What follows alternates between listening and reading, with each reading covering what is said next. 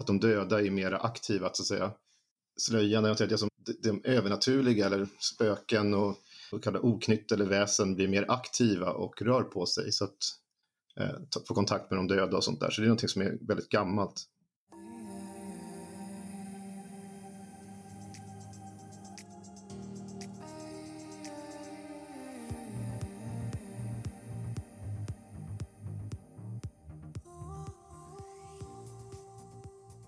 Kära lyssnare! Välkommen till Magipodden! Idag med stor halloween och fullmånespecial. Vi pratar magi och andevärlden och har gäst Tommy Kusela. Jag heter Eva Danneker. Och jag heter Tanja Dyredand. Välkommen till ett riktigt fullsmockat magiskt avsnitt. Älskade du!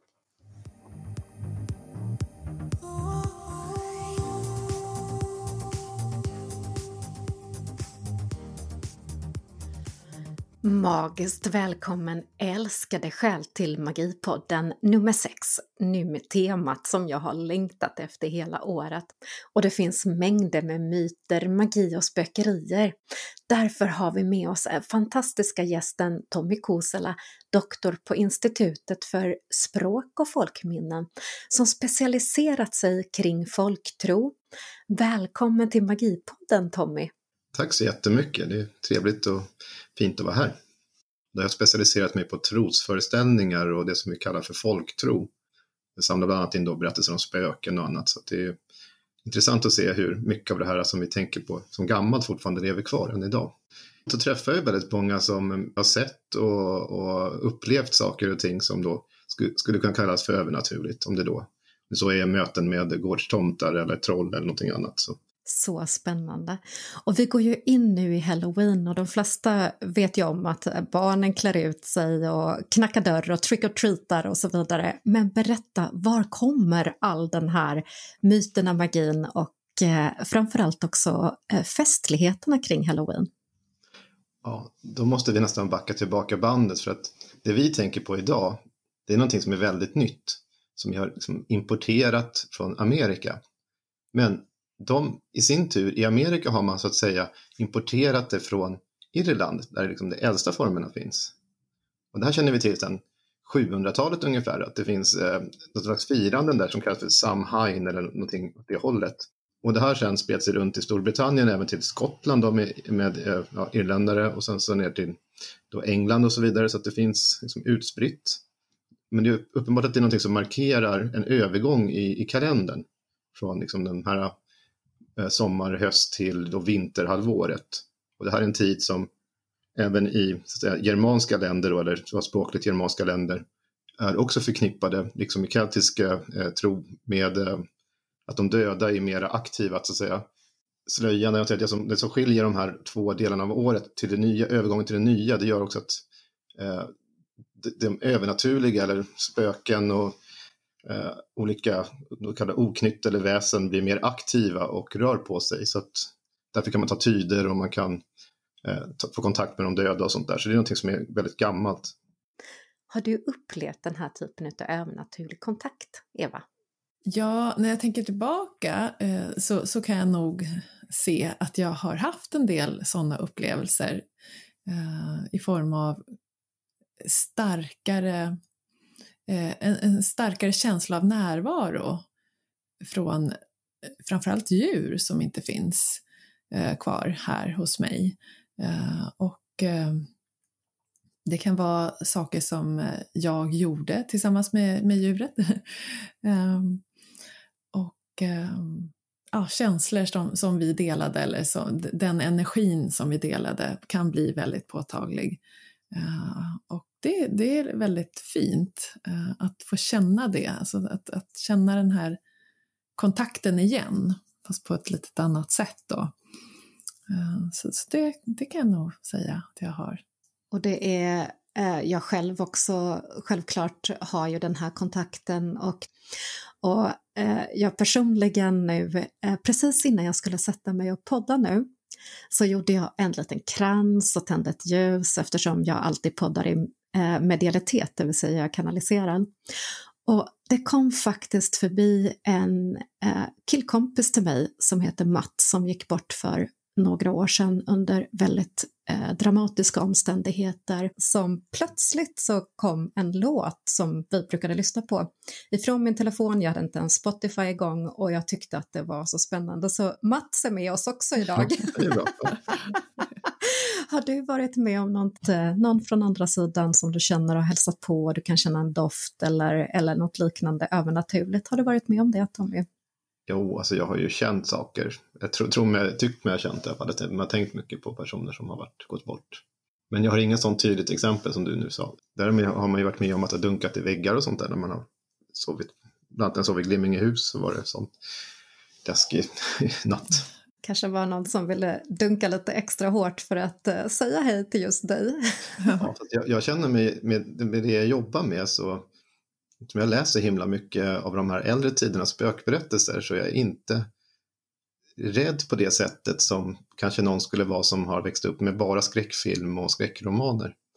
Eftersom den typen av döda, alltså budskapsspökerier då, som finns beskrivet i äldre tid, så är nästan inga av dem alltså riktade alltså med aggression mot de levande, utan det är snarare att de vill ha någonting avklarat eller någonting fullföljt eller någonting. Det är sällan att de liksom är ute efter att döda eller skada människor, som, som ju är film istället. Mm. Så, att, så att det är någonting som är typiskt sånt där Hollywood-knep, alltså skräck, skräckingrediens, som inte stämmer överens med folktraditionen. Absolut, ofta vill ju andevärlden säga något eller förmedla något när de tar kontakt. Ofta är det entiteter, andar som har gått till andra sidan som vi kanske känner. Men det kan också vara de som är platsbundna, det vill säga hänga kvar på en plats utav en anledning. Som sagt var, andevärlden är ju här för att säga någonting till oss, så helt klart. Så jag tycker du ska vara lite extra uppmärksam nu under denna kommande period Tommy, för det kan nog vara så att du får lite extra tjena tjena ifrån någon. Ja, både min mormor och min morfar och min, min far då som är borta. Jaha. Ja, vi får se vad som händer, vad spännande. Och även till dig älskade lyssnare, var lite uppmärksam just nu. Ibland så är det så att vi kan få en stark känsla att eh, Eh, någon vi tycker om som har gått till andra sidan besöker oss. Det kan också vara så att man känner när man ska gå och lägga sig att det killar lite på kinden, ungefär som att någon klappar en, det är väldigt vanligt. Man kan känna lite kyla, lite värme i rummet. Man kan också plötsligt, som jag gjorde då, höra en låt eller känna en doft utav någon. Så var lite uppmärksam och Eh, skicka en kärleksfull tanke, tycker jag.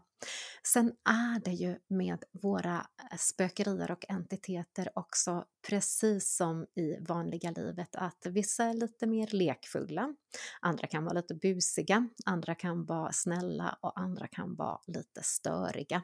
Och är det så att du blir störd eller känner att det blir för mycket, att det bankas i väggar eller att det händer lite saker som du blir rädd för, eller att du känner obehag på något sätt, det vill säga att det känns en obehaglig känsla. Eh, det kan nämligen vara så att vissa entiteter, kanske platsbundna eller andra entiteter, vill komma igenom och prata men att det blir obehag runt omkring. Då kan du själv försöka att säga till väldigt högt och tydligt att nej, nu får det vara slut, jag vill inte ha dig här, du stör mig eller du gör mig rädd. Snälla sluta. Eh, du kan även rensa ditt hus med salvia, ehm, tänka att du skickar den här entiteten till ljuset och är det så att du känner att du inte riktigt får till det, ta då in ett proffs. Jag har personligen som medium och även äh, initierad shaman hjälpt till att rensa hus och lägenheter och andra ställen. Och det är faktiskt ganska skönt om man känner att man inte klarar av detta själv, att då får man lite mer ro och så får man också mer vetskap om vem det är som är på plats. Så det är ett tips till dig, älskade lyssnare.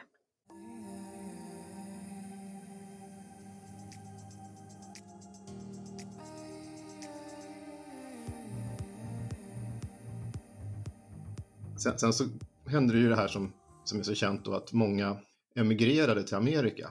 Och i Amerika så har det här i sin tur senare blandats upp och i det som är, vi känner som halloween idag så har vi dels det här iriska, vi har även holländarna som kom dit med sina skördefester.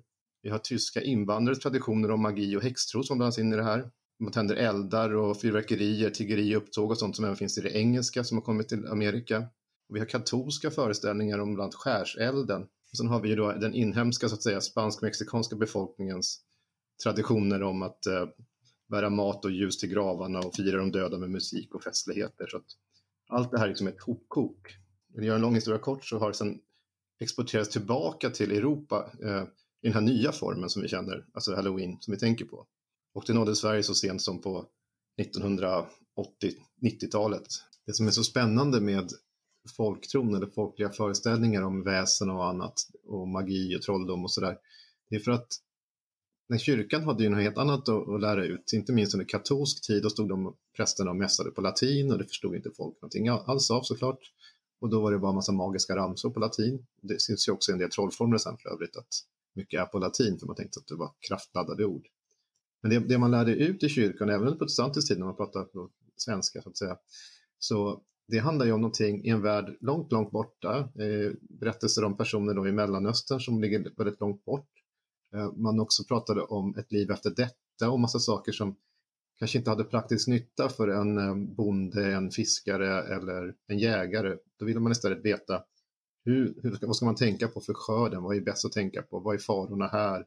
Hur går liksom det vardagslivet? Vad är bäst att tänka på? Då, där fanns ju svaren. Folktron har svar på allt det. Det är väldigt praktiskt så, på det sättet.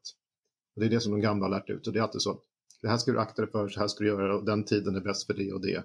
Och allt det där kommer via folktron och inte via det som kyrkan lärde ut.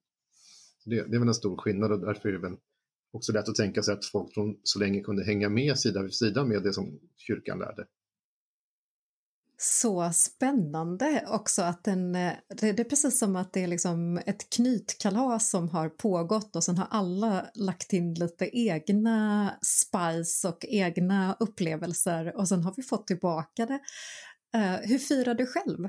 Jag är, jag är på gränsen till var för gammal för att uh, haft väldigt mycket halloweenkalas när jag var liten.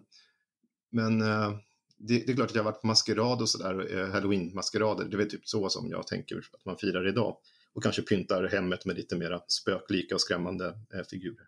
Men det eh, jag också tycker är intressant det är ju att eh, Halloween, att det var Hollows Eve, det vill säga det var ju andarnas afton eh, från början. Alltså själva uttrycket Halloween kommer ju från Hollows Eve, eh, ifrån den här kvällen när man skulle de då så eh, fästa och lägga ut lite extra mat och tända ljus i fönstren så att de här nära och kära från andra sidan hittade hem till en också. Mm.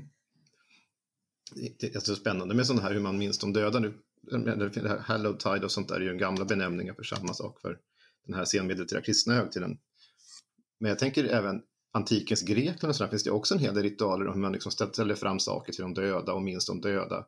Det här är något som är väldigt eh, det sitter liksom djupt rotat i människan världen över. Alltså på något sätt så finns nästan alla kulturer har ju någon form av ritualer där man minns de döda, de som har gått bort. Hur brukar du fira den här perioden? Ja, jag tänder nog extra mycket ljus kring halloween och allhelgona helgen. Eh, och tänker på dem som inte längre finns här hos oss. Eh, både djur och människor. Och också att eh, jag tycker om att tänka på det här att vi liksom lever med naturen och eh, nu när den fäller sina löv och går in i, i en mörkare tid, en dvala liksom. Och att man kan koppla det till vår egen dödlighet och, och skörhet, liksom den här kontrasten mellan liv och död. Att, att man kommer in djupare in i sig själv. Och, ja, jag tycker det är fint att tänka på det och göra en, en liten medveten eh, ritual så, eh, att tända ljus och faktiskt eh, skänka lite extra kärleksfulla tankar till de som inte finns. Men också till mig själv och, och att hedra mig själv och komma djupare in i mig själv och komma till den här vilsamheten som naturen också visar på att det är dags att gå in i nu. Vända sig inåt. Hur brukar du göra, Tanja? Och detta är ju min heligaste tid på hela året. Dels som medium, initierad shaman, men också annars. Det keltiska nyåret med Samhain startar ju nu och det är ju en skördefest för att hylla höst till vinter där man använder renande beskyddande eldar men också kransar, äpplen och festligheter. Och här har vi ju också nära kontakt med andevärlden och kan prata lite extra härligt här. Och sen kommer ju jag från norra Karelen, ryska gränsen, och där hade vi som tradition att man tänkte lite extra på de som har gått till andra sidan och dukade också symboliskt eh, till nära och kära för att minnas och hedra dem lite extra. Vi skickar även en extra tanke, en extra känsla till våran släkt eller de man vill eh, säga hej till på andra sidan. Brukar du göra någonting sånt och tänka lite grann extra på dem på andra sidan? Nej, eller ja, jag har ju gått, och det här kommer vi in på någonting annat som lever kvar sedan katolsk tid, alltså alla helgona. Och den förknippas ju med att man tänder ljus på gravarna. Och det intressanta med det är ju ändå att när halloween kom in med köpmännen om man säger så då, med, alltså, i det här paketet man ska eh, busa och man eh, köper masker och massa pumpor och allt sånt där. Då tänkte man sig att men det finns det här gamla svenska traditionella att man tänder ljus på gravarna. Men vad man inte tänkte på då att det är också någonting förhållandevis nytt i alla fall i, det är ingenting som har hållit i, i som en obruten tradition sedan katolsk tid utan det här kom tillbaka på 50, 40, 50, 60-talet började man eh, tända ljus på gravar. Det, nu idag är det nästan rikstäckande, nästan 100 procent av alla kyrkogårdar har ljus liksom brinnande på allhelgonahelgen. Så vi firar egentligen en katolsk, för helgonen har ju ingen plats i, i det protestantiska. Ja, nej, vad spännande. Och, och, jag tänker, hur kommer det sig egentligen att, att vi inte har haft den traditionen? För det trodde jag var någonting som vi alltid har gjort, så att säga. Att... Ja, men det blev ju mycket när, i och med reformationen och sådär, att man skulle rensa ut det katolska som man då tänkte sig var övertro och vidskepelse och sådär. Mm. Eh, och det var ju ganska hårda tag som eh, Gustav Vasa och många andra tog till så att säga. Det liksom försvann och man har ju nästan man har tagit bort det så att det många tänker på det är ju inte helgonen primärt, även om det heter så, utan det är de döda, alltså släktingarna eh, och andra som man håller nära och kära. Så att det har ju blivit alla själars dag, så att det är också en dag man predikar och minns de döda överlag. Ja, jag tänker direkt också på Mexiko som har eh, Dias de los Muertos som, där man också helgar och det är också runt den 2 november och det infaller ju ungefär samtidigt då som eh, våran allhelgona där. Mm. Jag blir lite fascinerad av det som du säger att eh, stundvis i historien så har, uppstår ett behov av att rensa bort och liksom skala av och ta bort de här andliga inslagen och sen så kommer liksom en motrörelse och vill föra in det tillbaka igen. Men hur kommer det sig att, liksom, att, att det historiskt sett att det, att det böljar fram och tillbaka med, med den, synen på, på de döda till exempel? Så mycket tänker jag med, har ju också med, med politik och så att göra, att det är, liksom, det är ju maktkamp, vem som har tolkningsföreträde. Men så finns det också någonting som jag tänker på liksom, inom forskningen fanns det en, en person som hette Max Weber som på slutet av 1800-talet pratade om att avförtrollning av världen. Och då menar han det här med de tekniska vinningarna och att många flyttar in till städer och att vi blir mer och mer sekulariserade och sådär. Han var tysk då. Ehm, och han har ju blivit hårt kritiserad sen för att frågan vad menas med avförtrollning? För det låter som att alla gått via kyrkan tidigare och sen är det här att nu finns det ingen längre magi i världen utan allting är rationellt och vetenskapligt, alltså naturvetenskapligt. Men många menar på att men det har ju bara förändrats, att världen har aldrig varit avförtrollad. Mm. Medan andra pratar om att den har återförtrollats istället. Som en annan stark rörelse som vi har ett starkt behov av. Det ser vi inte minst idag. Jag menar när Eh, kyrkan kanske tappar mark och sen så är det många som hittar då naturen som en slags eh, tempel istället, så skogarna. Och det var någonting som på 1800-talet hade varit otänkbart för att då var det bara någonting man inte gick in i av sin egna fria vilja i regel. Utan det var någonting som man använde som för att, eh, för att jaga eller någonting annat, hugga ner träden. Men den här naturmystiken är någonting som är väldigt, väldigt stark idag. Inte minst har vi sett det nu i samband med coronan att det är till svenska naturen många har sökt sig. Mm. Och vi mår ju så oerhört bra i naturen också. Och jag tror att vi behöver naturen och jag tror att vi behöver magi i vardagen. Så jag tycker det är väldigt häftigt att, att det är på väg tillbaka, eller om det nu är så att den återförtrollas eller att den aldrig har avförtrollats. Eh, men jag tycker att det är jag trivs med den tanken att vi nu välkomnar de eh, traditionerna och, ritualerna och de möjligheterna som vi har runt om oss. Jag tror att vi som människor behöver det som, som en kontrast till all teknik och det här snabba tidevarvet som vi lever i, där allting sker väldigt fort och så tenderar vi att eh, ja, kanske tappa fotfästet lite grann med oss själva.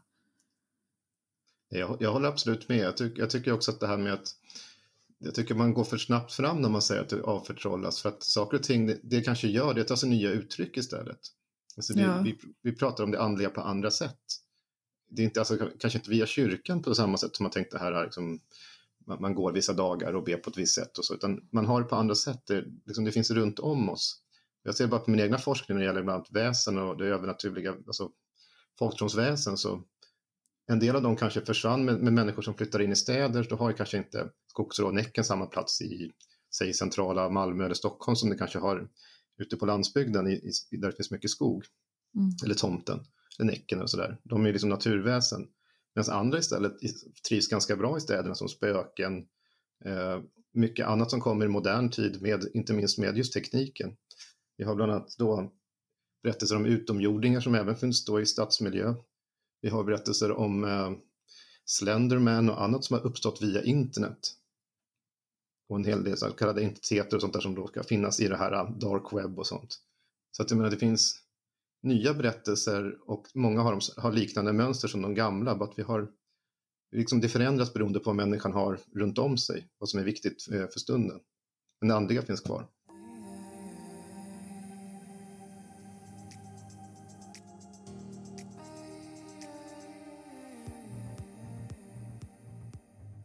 Och vad har du för någonting i ditt liv Tommy som är vardagsmagi? Om du får berätta någonting spännande för oss.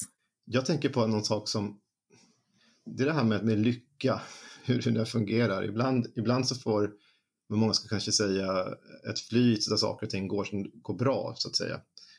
Ibland kommer man in i sådana stunder och man får energi av det. Jag vet inte, det, det, det blir nästan lite magiskt över det hela jag har tänkt på vissa uttryck som vi säger ganska enkelt till varandra som ju är fyllda av, av så att säga, magiskt tänkande. Det är exempelvis när vi önskar någon lycka till.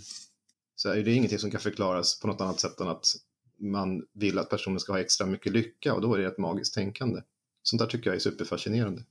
Eller att man undviker eh, avbrunnar eller att man inte, kanske bind, sätter, fäster ett eh, hänglås vid en bro eller ja, kanske se på en fotbollsmatch eller ishockeymatch med en viss form av plagg på sig för att då tycker man att man får tur i, i spelet, eller laget ska få tur. Så det är mycket sådana här vardagssaker som jag tycker är jättespännande. Vilka bra tips och, och vilken härlig, eh, vilket härligt ämne att ta som vardagsmagi tycker jag, just med lycka. Vad säger du Eva? Ja, jag tycker också det. Jag tycker att just de här små sakerna som vi faktiskt gör blir jag lite fascinerad över. Som du sa, inte gå på A-brunnar och annat.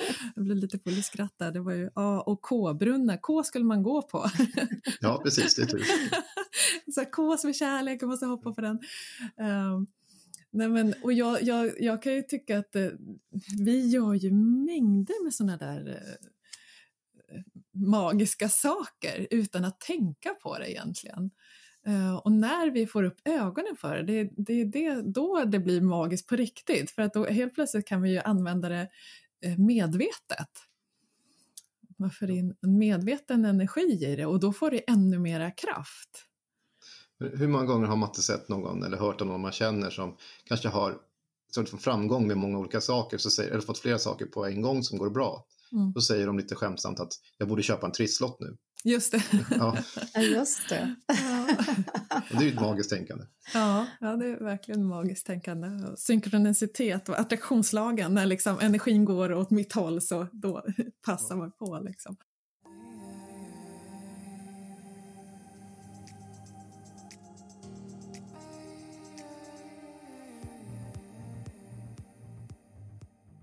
Jag, jag är lite nyfiken på om du, om du, du forskar ju och ser liksom på det som har varit. Ibland så brukar man ju då kanske få liksom en liten känsla eller en hint om en trend eller någon, någonting liksom sånt. Kan du se det vad det gäller just halloween eller magiska saker? Vart är pendeln på väg nu liksom?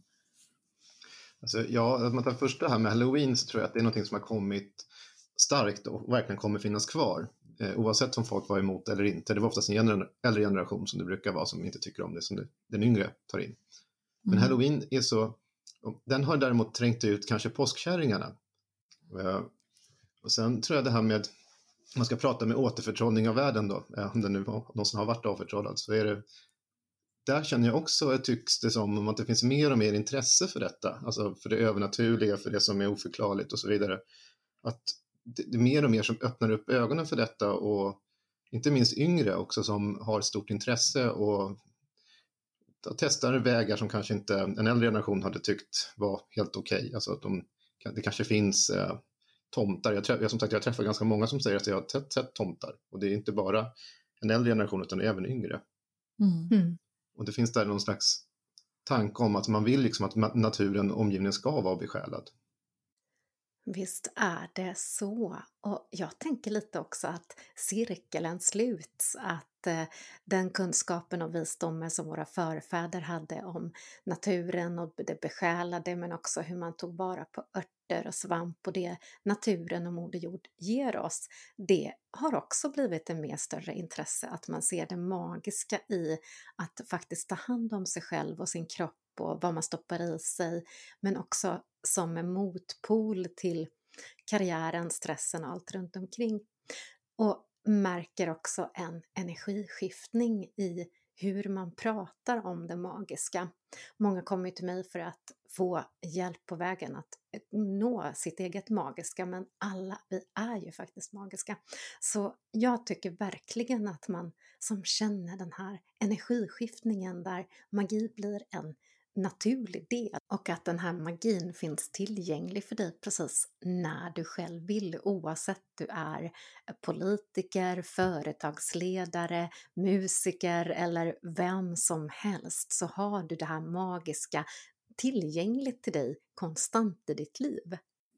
Ja, och jag tycker, alltså jag, jag vill ju tro att vi är väldigt magiska varelser och andliga varelser och vi behöver den sidan eh, i oss och runt om oss.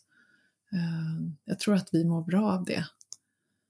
Och att skapa lite mer magi i livet och, och, och faktiskt eh, vårt sätt att betrakta världen, att, att vi vågar öppna upp och, och ser det magiska som finns runt om oss hela tiden egentligen. Jag tror det skänker stor livsglädje.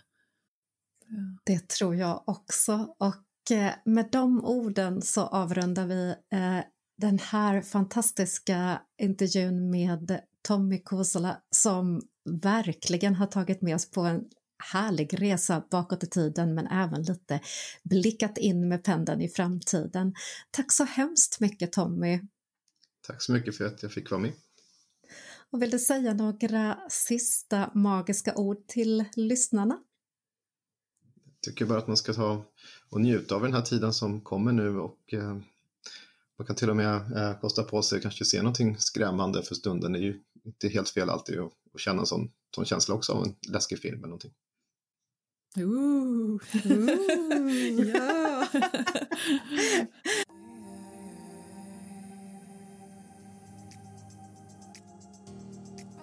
Det här är ju ämnen man skulle kunna prata om i evigheter och extra roligt idag också haft besök här utav Tommy som verkligen kan det här med folktro och även titta lite historiskt om hur vi har tänkt och funderat kring just denna period. Men vad mycket magiskt det finns just nu! Ja, jag tycker det känns eh, lite extra spännande nu eftersom det är så många dagar, magiska dagar som sammanfaller. Exakt, och det sammanfaller ju både halloween, allhelgona, Samhain och så fullmånen. Också andra fullmånen under en och samma månad. fullmånen som nu går in i oxens tecken och så har vi ju solen i skorpionen. Har du känt av fullmånen? Ja, det tycker jag nog att jag har. Jag brukar faktiskt eh, känna av den så tillvida att jag sover lite lättare. Jag vaknar liksom till lite grann under de här tidiga, tidiga morgontimmarna och ibland kan jag känna att och att jag kanske skulle ta och kliva upp och bara sätta mig och tända ett ljus och ta vara på den här eh, sköra tiden, liksom. den tiden mellan natt och dag. Den är så vacker och på ett sätt, ja, det känns som att den är lite slöjlik sådär. Ja, eller hur? Och man brukar inom modern vickan, den keltiska traditionen, men även inom shamanisten också använda dessa varje timmar i samband med fullmånens energier och styrka till härliga ceremonier. Mm. Så jag hoppas verkligen, älskade lyssnare, att du också tar just den här helgen och den kommande veckan som extra tid för att Eh, gå in lite djupare i dig själv, eh, följa hjärtats röst och även fundera på vad vill du släppa taget om, vad vill du kasta in i elden och vad vill du ha med dig in i framtiden för att växa lite extra. Ja, och vad vill jag sätta intentionen på framåt? Det är lite magiskt att få tänka så och också ta till sig eh, de lärdomar och visdomar och den här gången också så får vi ju kanske också en intuitiv magkänsla eller påhälsning ifrån de som har vandrat här på jorden före oss, att de får komma med sin visdom och verkligen ge den till oss eh, så att vi kan ta med oss den in i framtiden. Mm. Och jag tänker, det behöver ju inte vara om man inte är van vid att göra ritualer själv hemma så behöver det ju inte vara svårt. Det räcker ju faktiskt med att göra någonting enkelt som att tända ett ljus med en intention, en, en avsikt, en medvetenhet. Eh, eller, eller göra någonting annat väldigt medvetet och fokuserat som passar passar dig bra. Jag skulle vilja uppmuntra dig som lyssnare att våga prova och, och om du inte redan gör såna här magiska ritualer, att, att börja och se vad som händer. Och nu är det en perfekt tid att börja prova.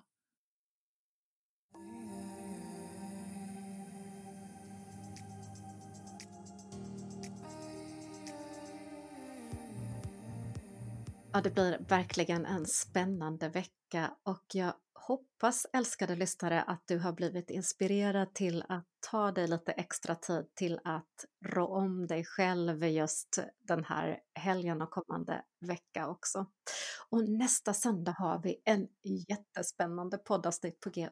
Då har vi nämligen spökspecial och vi besöker Mörby slottsruin här i Roslagen som är känd, vida känd för sina spökerier. Och Eva, du har ju lite egen speciell upplevelse ifrån Mörby slottsruin. Åh, jag älskar Mörby slottsruin. Det är, det är ju mina barndoms hemtrakter och eh, det är ett magiskt, magiskt slott fyllt av sägner och magi. Så att eh, det ser jag fram emot att berätta om. Ja, och eh, jag tror att det finns sex eller sju spöken och även självaste djävulen ska ha varit med och eh, byggt det här slottet. Så vi får helt enkelt bjuda på våra känslor och upplevelser från det här slottet. Så jag hoppas, älskade lyssnare, att du kommer tillbaka till oss då. Så jag önskar underbara, magiska, fantastiska lyssnare att du har fått lite inspiration och som bonusmaterial ligger dels en härlig magisk ceremoni för Sawin men även veckans astro stjärntecken för stjärntecken just denna fullmåne och in i november månad. Och sen får du självklart veckans mycket speciella reading med orakelkort och tarot just för kommande vecka 45. Så jag hoppas att du även klickar in på bonusmaterialet. Och så önskar jag dig en magisk vecka och så ses vi nästa söndag. Ja, så välkommen! Och nu avrundar vi med en skön meditation. Bara för dig. Hej då!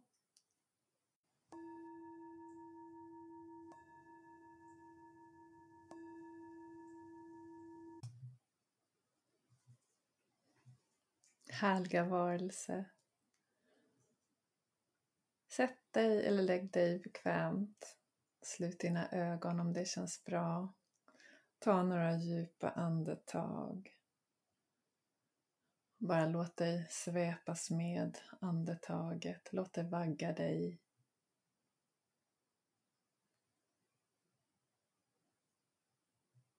Känn efter om det finns några känslor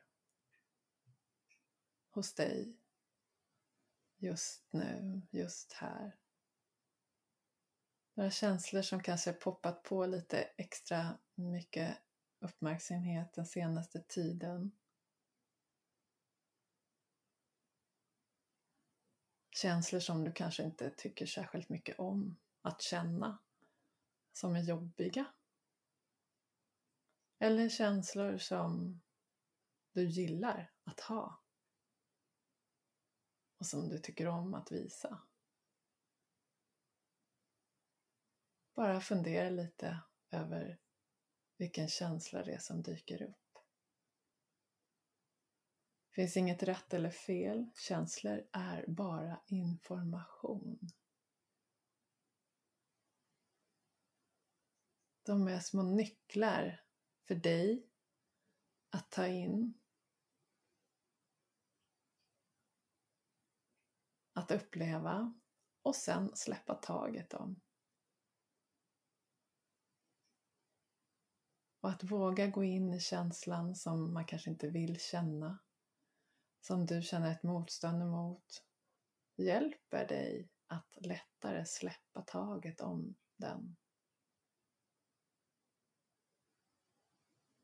Så om du känner sorg, ilska, någon annan obehaglig känsla, så bara låt den ta plats en stund så kommer den snabbare släppa taget om dig och du om den. Och likaså den här glädjen eller kärleken eller lyckan. Den är också där som en information. Att släppa taget om, upplevas och gå vidare till nästa.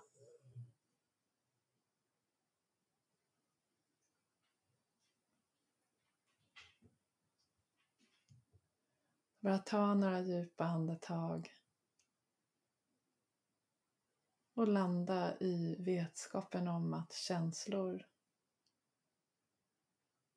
är bara information. Du är inte dina känslor och de kommer inte att bestå för evigt. Och du vet att utveckling sker när du vågar öppna upp för att känna alla känslor. Och när du vågar släppa taget om bra känslor. När du vågar leva med dina känslor. Bara ta några djupa andetag och landa i kroppen. Och när du känner dig redo så kan du mjukt öppna dina ögon.